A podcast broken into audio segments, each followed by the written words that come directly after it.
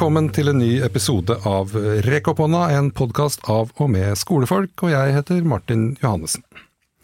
Digital læringsanalyse er analyse av data som er samlet inn fra elevenes og studentenes læringsaktiviteter for å forbedre læringsprosessen.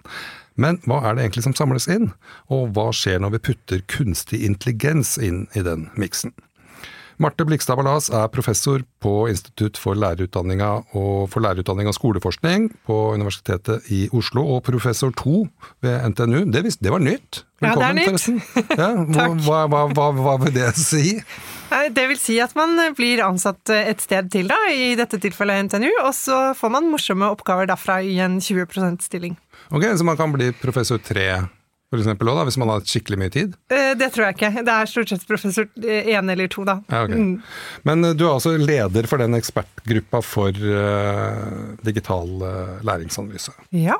Men altså, vi skal også snakke om, om kunstig intelligens, og denne episoden er en, en, en serie av uh, episoder som tar for seg kunstig intelligens fra litt sånn ulike synsvinkler. Så prøver vi å dekke et så stort bilde som mulig, da. Eh, men ta litt om dette her læringsanalyse først. Hvorfor er det viktig? Oh, det var et godt spørsmål. Takk. jeg mener jo det er kjempeviktig, og at vi snakker for lite om det. Fordi det det handler om, er jo um, alle de digitale dataene vi samler inn om elevene våre. Uh, om vi klarer å bruke de til og forbedre læring. Eh, og sånn at hvis man f.eks. Eh, har elever som jobber med ulike verktøy i matematikk f.eks., og de, noen får til noe, og noen får ikke til noe, og noen får vanskeligere oppgaver, og noen får lettere oppgaver og sånn, så vil man ved hjelp av digital læringsanalyse kunne få oversikt over hele klassen ganske fort, og se hvem er det som er på hvilket nivå, og hva trenger de hjelp til, og sånne ting. Så på sitt beste så kan digital læringsanalyse være med på å gjøre det lett lettere for lærere å gi god tilpassa opplæring, og det er jo en stor ambisjon i norsk skole, og ja, noe alle vil. så, så, det er liksom idealet. Men så er det mye også som kan, eh, kan være vanskelig med det. Så, så i denne ekspertgruppa så har vi vært opptatt av å se på både eh, mulighetene, men òg en del utfordringer som kommer med når det blir mer og mer digital læringsanalyse i norsk skole. Og det gjør det, fordi vi har allerede ganske mye data som samles inn, mm. eh, og noen programmer også som er på det norske markedet i dag, som bruker de dataene til å si noe om elevens læring. Nemlig, og det, men det er jo litt interessant da det at at man samler det inn at Man bruker digitale verktøy i klasserommet, og så samles det inn uh, ulike typer data. Da. Men da må vel noen ha bestemt hva det verktøyet skal samle inn på forhånd? Ja. ja er, er det, er det liksom, har man en sånn slags felles mal som alle digitale leverandører har blitt enige om? Eller ja, det hadde vært noe! Nei, det er jo det vi ikke har. Eh, og så er det jo også sånn at de aller fleste dataene vi samler inn om elevene, de har ingen egentlig en plan om å bruke. Så et litt sånn banalt eksempel, men som jeg syns er ganske viktig, det er eh, hvis du bruker et av de programmene vi bruker mest i norsk skole, Microsoft Word, så ja. blir det jo lagret Hvor lenge har du holdt på i dette dokumentet? Hvor mye har du redigert? Hva er samla redigeringstid, osv.? Når ble det oppretta? Alt det er jo data som kan brukes av en lærer til å si noe om den skrivesituasjonen, f.eks. Men det er typisk ikke data noen hadde en plan for.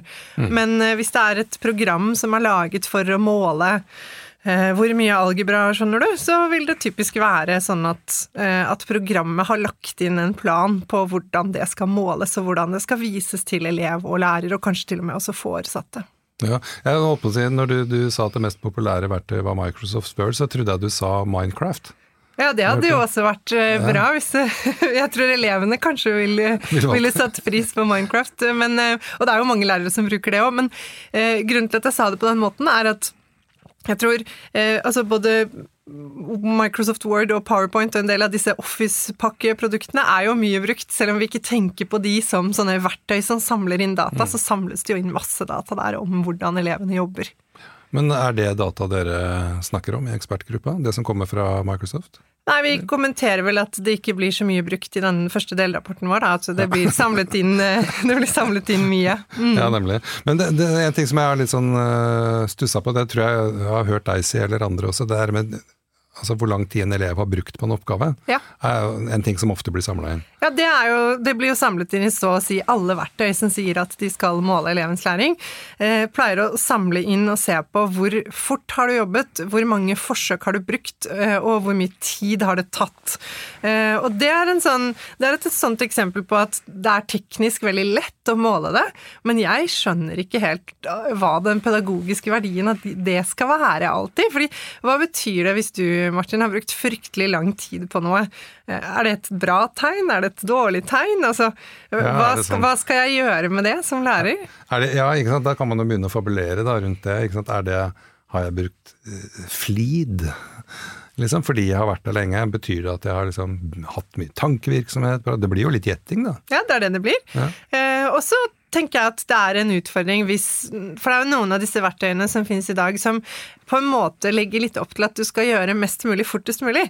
Eh, og jeg syns nok ikke det er helt i tråd med en del av de ambisjonene vi har i f.eks. overordna del, hvor det står en del om prøving og feiling, og vi vil på en måte at, at man skal være i læringssituasjonen og prøve ut ting. Og da tenker jeg at det ikke alltid er et mål at man skal ha kommet fortest mulig til mål uten noen feil. Eh, For det er mange fag som ikke er sånn. Ja. Jeg tror ingen fag egentlig er helt sånn. Nei, det måtte i så fall blitt 60-meteren eller noe sånt, da. Hvor det er om å gjøre å løpe fort, kanskje. Uten å falle. Mm. Uten å falle, uten å snuble underveis. Det kan jo være vanskelig nok for mange. Men, men hvilken data er det hensiktsmessig å samle inn? Åh, det er jo også et stort spørsmål, da. Men jeg tror eh, det viktigste er jo at det er data som sier noe om det det skal si noe om.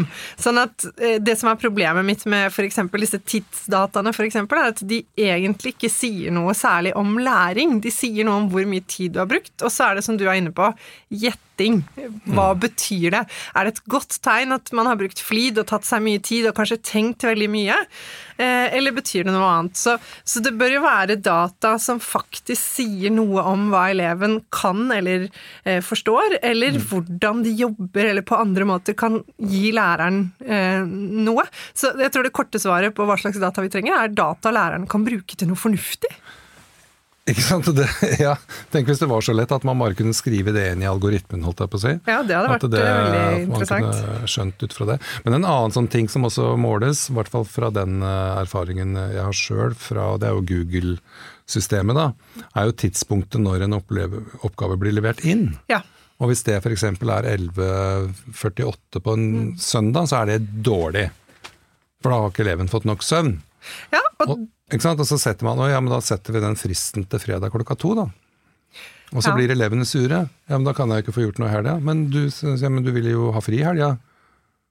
Nei, ja, og så blir det en diskusjon, da. Eh, og de, de dataene der er, de er veldig interessante, for det er jo en slags form for metadata. Altså sånn, det sier jo ikke noe om oppgaven din og kvaliteten på oppgaven din når du leverte den inn. Nei. Eh, men det, har jo en, det er jo det man kaller for en sånn eh, nedkjølingseffekt. Altså at eleven endrer atferd fordi de vet at læreren kommer til å få tilgang på ekstra informasjon.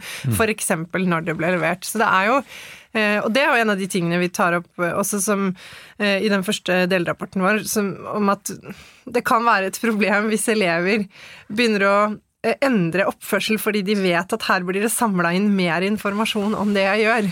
Nemlig, og det er egentlig bringer meg inn på neste spørsmål om det om vil elevene føle seg overvåka når de blir mer og mer klar over dette her. Ja, jeg er redd for det. Eh, og eh, du kan si, jeg sa jo i stad at det kan være en veldig stor fordel hvis vi kan bruke mest mulig av disse dataene til å hjelpe elevene videre, og det er mye muligheter der for tilpassa opplæring.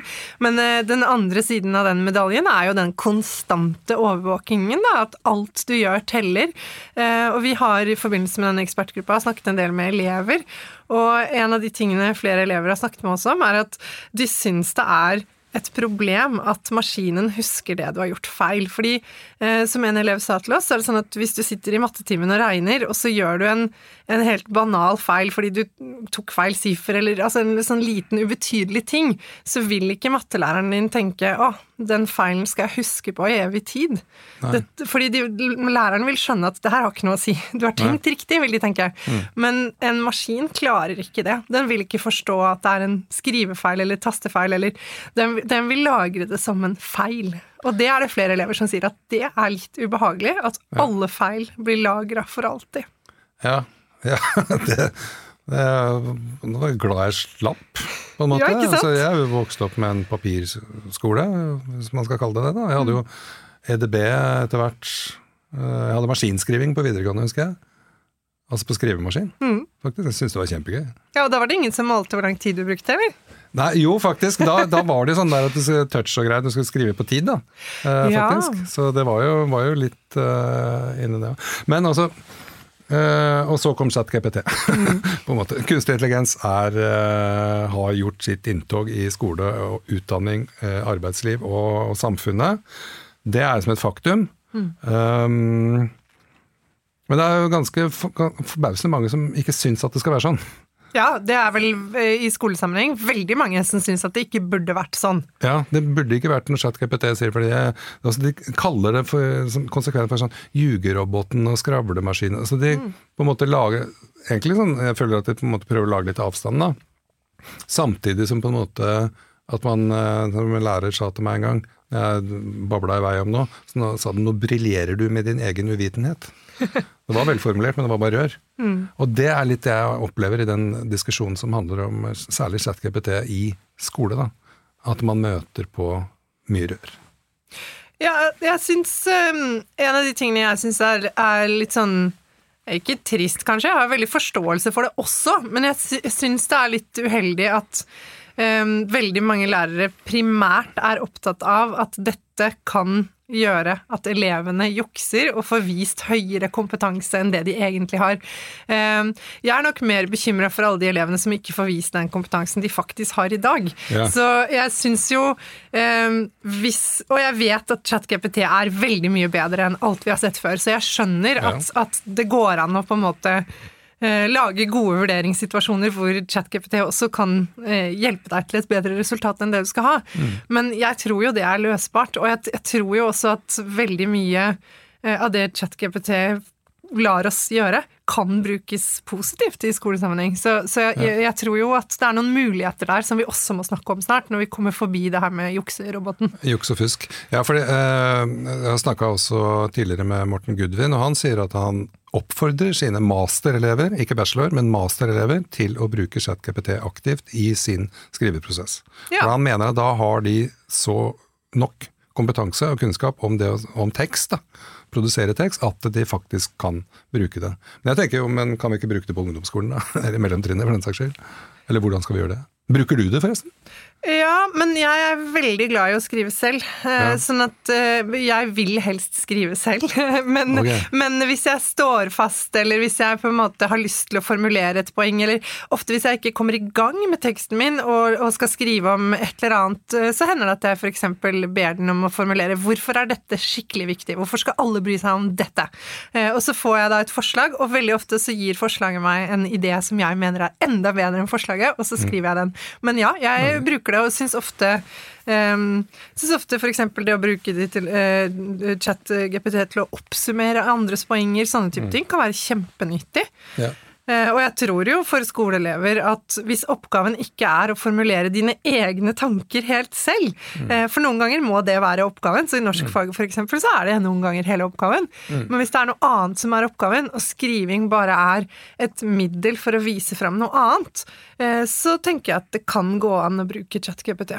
For Jeg snakka også med en eh, annen lærer på femte trinn, Carl Andreas Myrland. Han hadde ikke brukt noe særlig for elevene sine, men det han hadde lyst til å gjøre med elevene, var å øh, bruke den til øh, å skrive en historie. Eleven skriver det første avsnitt, så maskinen neste, en ny elev det neste, maskin, elev, maskin, elev. Ja, det var kjempegøy. Jeg tenker Det kan jo bli kjempemorsomt. Ja. For da på en måte, du får sagt, du får vist at du kan skrive sjøl, og så tar den historien en mening som du sannsynligvis ikke hadde tenkt på. Jeg vil også tro at det vil skape en enorm interesse hos elevene til å faktisk lese hele den historien, og noen ganger er jo Ja. det poenget, at vi vil at de skal lese litt mer. Så, så jeg tror jo eh, en sånn distinksjon i disse chat-GPT-diskusjonene, som fort kan bli veldig oppheta, det må jo være hva er det vi prøver å måle? Hvis det er elevens egen evne til å skrive, så er det selvfølgelig et problem. Hvis det er chatboten måten som skriver. Ja. Men i veldig mange andre sammenhenger så tenker jeg at kanskje det kan være en fordel, og at det kan være bra. Sånn som her vil jo ikke den læreren du nevnte bruke den teksten til å evaluere alle elevene og sette karakter på det. Jeg vil ikke tro det var en ambisjon på noe tidspunkt. Nei, nei, og heldigvis så går det jo på barnetrinnet, så det hadde du jo sluppet i. Men det, det ville jo på en måte vært en type måte å skrive kreativ tekst på, da. Ja. Vi skal snakke litt om det, om, om forfattere også som har tatt i bruk ChatGPT til å skrive en hel roman uh, bare om litt. Men jeg har bare litt, uh, lyst til um, å nevne en annen ekspertgruppe fra Ja. Danmark. Ja. Uh, og De skal undersøke hvordan man kan begrense juks med ChatGPT og andre læremidler på landets skoler og institusjoner. Hva tenker du om det? Jeg tenker jo at de har en veldig vanskelig oppgave foran seg, da. Ja. Ja. Eh, og så tenker jeg sånn, sånn umiddelbart eh, det, det har jo vært noen som har spurt sånn, ja, men kan vi ikke bare låse elevene inne og la de skrive med penn og papir? Jo, hvis man må det, så er det en mulighet norske lærere per i dag har. Men i hvilke situasjoner det vil være relevant og nyttig og konstruktivt, det er jo en helt annen diskusjon, da. Ja, Så så er det med tror jo- låse, låse den døra, da, som kanskje ikke er helt greit. Ja, det er ikke greit. Nei. Men, øh, men nei, ja, ikke sant. Det er, ja, det er, det er svære greier. Men jeg må bare lyst til å nevne en øh, novelle som Roald Dahl skrev allerede i 1954. Altså Ja. ett år før begrepet kunstig intelligens ble øh, lansert. Da skrev han en bok som het The Great Automatic Grammatisator. Altså det er en maskin som kan skrive en prisvinnende roman på bare et kvarter. Og nå er vi der, liksom. Ja. Ja. Er ikke det gøy at kunstnere og forfattere og sånt har tenkt sånne morsomme tanker? Jo. Det er kjempegøy. eh, og og jeg, jeg tror jo Altså, jeg syns jo det er veldig mye med ChatGPT som er utrolig imponerende og spennende, og ut fra et helt sånn teknologisk og språklig standpunkt utrolig fascinerende at det går an. Ja. Det er jo på en måte sannsynlighetsberegning med språk. Ja. Og mange ganger så klaffer det veldig godt. Men jeg må jo også nevne et par andre forfattere. Den ene er bare ni år. Han heter Braden Byrne fra USA. Og han og faren satt en uh, helg og så på YouTube-videoer eh, om bruk av AI i næringslivet, av alle ting, som han hadde fått med sønnen sin på. Men i hvert fall, sønnen hadde også akkurat levert inn en stil som han syntes var veldig morsom eh, eh, på skolen. Men de, så så de på YouTube da, at det, det var en prosess, det med å på en måte skrive og publisere en selvhjelpsbok, var egentlig greia. Men han hadde jo den historien, han lurer på kan jeg skrive en hel bok om dette her. Og det ble gjort. Og han, øh, Faren husker ikke hva, øh, farta hva han heter, i hvert fall han øh, lagde et blogginnlegg som handler om derre åtte, åtte steg for å unleash your kids creativity, eller noe sånt. heter det. Veldig veldig morsomt. Boka heter Down the Drain og handler om det romvesen som drar en person ned i kloakken gjennom toalettskåla. Dodraugen, Ja, på en måte. Men det er en veldig søt historie. ja veldig. Og så syns jeg jo den får fram em, et godt poeng om at, eh, så, sant, at det, det her er jo et barn som har lyst til å kommunisere noe, og som sannsynligvis ikke hadde klart å sitte og taste seg gjennom hele den historien på så kort tid, men som sikkert har gitt veldig mange gode ideer underveis til historien, og påvirket historien. Eh, og jeg syns jo at fordi hvis du nå hadde sagt at historien var at eh, dette barnet fortalte alle de gode ideene til bestefaren sin, som satt og, og liksom klampra løs på tastaturet, og så skrev de det sammen, da ville alle sagt 'å, så fantastisk'. Eh, Men jeg syns det du forteller også er en veldig fin historie. Eh, Og, og at man har klart å få et barn til å skape noe sammen med, eh, sammen med ChatGPT. da. Men da kom jeg på akkurat nå når du sa det der, hvis et barn hadde snakka med bestefaren sin. Det var på en måte litt sånn om, omvendt situasjon, men Alice in Wonderland er jo det, Ja. faktisk. Akkurat det at eh, barnebarnet forteller noe, og så lager eh, bestefaren Ja, absolutt. Og den liker vi jo. Den er, den er eh, populær og godt likt, den Ikke bare historien like, det er jo en klassiker i Ja, ja, ja. litteraturhistorien, liksom. Den er såpass, på en måte, og den blir jo referert til uh, hele tida. Men nå, nå, er, nå må jeg si den uh, Down the Drain, den, den har jo ikke de kvalitetene ennå. Men jeg tenker at ok, det her er en niåring som har lyst til å gi ut en bok, få hjelp, hjelp av faren sin og litt maskin. Bang, nå kan du bestille den på Amazon. Mm. 20 kroner tror jeg den kosta. Ja, og det er jo kjempespennende, og jeg vil jo tro også at den niåringen får lyst til å skrive mer. Eh, og, og der ligger jo stor stolthet i å kunne ha vært med på å lage en bok. Ja. Så ja, det er jo store pedagogiske muligheter der. Det er akkurat det det er. Men det er jo ikke bare barn som skriver bøker med ChatGPT. Det er nemlig en, finnes en fin, finsk forfatter, eh, etablert forfatter, som heter eh, Juha Raipola. Han skrev eh, romanen 'Demonic Fragments Horror from the AI Mind'. Ved hjelp av ChatGPT. Og den ble gitt ut i fjor. Ja, det er jo raskt, da. Ja, ChatGPT kom i november, 20. november rundt der. Boka ble gitt ut før nyttår. Ja. Her har det gått unna. Men det er en, en bok, 300 sider, sånn som en roman skal ha. Veldig, veldig eh, spennende bok. Den handler om de demoniske kreftene som underkaster oss sin vilje ved hjelp av ChatGPT. Ja, det er jo veldig meta, da. Ja, Ja. veldig. Så det er mange som sier ja, men du kan jo ikke bruke den til å Hvem ville lese en bok skrevet av ChatGPT? Og så rekker jeg på det. Jeg vil det! Ja. Hvis den er redigert, eller hva skal jeg si, kuratert av Mm. en forfatter. Ja, absolutt. Og det er jo eh, det, det, det vil jo være veldig mange prompts liksom, Man må jo gi den noe å jobbe med. Mm. Så det er jo litt som en sånn, et, et litt stort spørsmål der om arbeidsfordeling og hvem gjør hva. Fordi jeg syns også noen ganger når vi snakker om skriving, at det blir fremstilt som en veldig sånn romantisk situasjon hvor du skal sitte mutters aleine, og du skal tenke alt selv, og du skal skrive alt selv, og det er ikke noe hjelp involvert. Og for de aller færreste av de som skriver mye, så er det sånn det er. Så det, Ja. det er jo vanlig at vi involverer andre mennesker. Vi bruker Nå er jo det mildere enn ChatGPT, men vi bruker jo rettstavingsprogrammer, og vi bruker, mange Ja. bruker også sånn uh, ulike programmer for å se hvor lesbare er teksten din. Er det noen setninger her som har altfor mange vanskelige ord etter hverandre? ja, men akkurat det, den, den, altså på, Jeg bruker jo en Chromebook, da, så det er jo Google-systemet, men den rettefunksjonen i skriveprogrammet der er veldig god. Mm. Og den har blitt veldig mye bedre på ganske kort tid. Ja. Og før så liksom ja, rett, eh, foreslo retting hvis det var noe, noe gærent, men nå retter han opp i grammatikk også. Ja. Ikke sant? Og det, det er jo et kjempeskritt innenfor kunstig intelligens. tenker jeg at Det ene er jo det ord for ord-greia, men grammatikken Og det er jo det også som er så imponerende med ChatGPT, at den skriver så godt. Ja. Helt enig. Ja. Jeg har skri, øh, har brukt den til å lage blogginnlegg og sånn. Mm. Så skriver jeg, og så skriver jeg hver dag, og så stopper jeg opp, og så bare fortsett.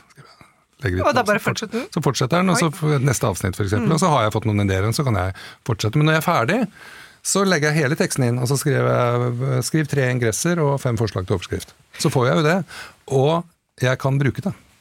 Ja, og så bare i det du sa nå også, så tenker jeg det er noen pedagogiske muligheter knytta til f.eks. hvis du får tre ingresser. Da. Jeg tviler på at du skriver blogginnlegg hvor det er tre ingresser. Det betyr jo at du velger en av de, og det kan man jo be elever om å gjøre også. Altså, her er tre forskjellige start. Hvilken ville du valgt? Hvorfor har du valgt den? Altså at oppgaven er det. Så det går jo an å gi oppgaver hvor de skal bruke ChatGPT, hvor vi allikevel eh, ser hva slags tekstkunnskap de har, eh, hva slags metaspråk de har, altså språk om språk, sant? Altså, hva, hva, hvorfor de foretrekker en versjon av teksten framfor en annen, osv. Men det er litt morsomt akkurat å se, du ville ikke brukt tre ingresser, men jeg har sett at faktisk flere og flere nå har begynt å bruke tre ingresser. Fordi de ikke klarer å bestemme seg. Ja, så da har det, men på en måte kulepunkt, da, så er det tre sånn egentlig setninger, da, eller disse tre temaene handler denne teksten om. Ja. Eh, som, jeg tenker, som jeg har sett mer og mer, da. Ja, det, men, og der er vi jo inne på en sånn trend som kan være fin i noen sammenhenger, men det er også litt sånn bekymringsverdig knyttet til det her med langlesing. Sant? At hvis alle tekster alltid skal gi alltid kulepunkter, så får vi et problem når vi skal lese Dostojevskij eller Roald Dahl eller litt lengre litterære tekster, f.eks. Ja, vi, ja, ja, ja, vi Så gjør det Så det kommer jo an på formål, da. Ja, ikke sant? Jeg tenker at det handler litt om å fange oppmerksomhet. da. Absolutt. Dette, man får jo gjerne beskjed om hvor lang tid det tar å lese den teksten også. Ja. Ikke sant? Det står jo der. Åtte minutter, to minutter, 20. Neste takk. Alt Mhm. Ja, jeg syns oftere og oftere det er sånn ett og et halvt minutt, to minutter, tre minutter. Det er ikke Ja. så ofte det står sånn 17 minutter. Nei, ikke sant? Nei. Da føler man seg veldig mestringsopplevelse da, når man har lest en tekst på 17 minutter. Ja. Før telte man eh, sider, nå teller man minutter. Mm. Men ok, men øh, han øh, Juha Raipola, han mener at ChatGPT er en sann ekspert på emnet. altså å underkaste oss demoniske krefter som underkaster oss sin vilje. Men sann. ja, Men- Hvis noen skal være ekspert på det, så må det jo være den. ja, ikke sant. Mm. Så det, det, det er jo sånn at man får lyst til å skrive en, en bok sjøl, da. Og se hvor, hvor, hvilken vei tar dette. Ut Ja. noen uh, gode ledetekster. Men uh, vi nærmer oss uh, slutten, Marte. Men jeg har bare lyst til at du skal se inn i den kunstig intelligente spåkula. Oi, oi, oi. Bare sånn ett år fram i tid. Og hva ser du da? Jeg er jo så skuffa over at det bare er ett år. Ja, ta Eh, to år, da. eh, For jeg ville jo gjerne tatt eh, ti år, men Ok. vi, for vi, jeg tenker sånn, Hvis vi skal ha en sånn positiv spåkule, så tror jeg jo at vi ved hjelp av kunstig intelligens kan komme nærmere idealet om å tilpasse opplæringen til hver enkelt elev ved å samle gode data om elevens læring som læreren kan bruke. Og det finnes studier som viser at det er mulig allerede i dag. altså at læreren kan ved hjelp av sånne dashbord få bedre oversikt over hvordan hver enkelt elev ligger an eh, mens de driver og jobber, og løper rundt og hjelper til der det trengs, eh, og ikke være avhengig av at alle rekker opp hånda, f.eks. Men fordi man får litt mer sånn direkte innsyn i læringsprosessen, og det syns jeg er veldig, veldig spennende. Så det er jo kanskje det jeg håper på. Eh, Det jeg tror vi kommer til å få på kort sikt, er jo kanskje at flere lærere blir enda mer nysgjerrige på det. For det har jo også skjedd nå med ChatGPT, at kunstig intelligens har kommet litt på agendaen, og eh, at enda flere har blitt interessert i det og satt seg litt mer inn i hva det er, og hvilke muligheter som finnes der. Så det har jo kommet mye veldig spennende bare de siste månedene. Ja, Så tror du det blir enda mer av det? Ja, det, det får vi jo bare håpe på. At Mm. det bare blir bedre og bedre og mer hensiktsmessig for oss. da. At vi finner måter å bruke det på som er gode. Ja. Både for oss sjøl og andre. Kanskje vi kan redde verden da. Men uh, tusen takk, Marte Blikstad Ballas. Takk for praten. Takk skal du ha. Og takk for at du hørte på Rekk opp hånda. Les kronikker og bøker og lytt til podkast. Vær nysgjerrig, bruk ChatGPT. Vi høres.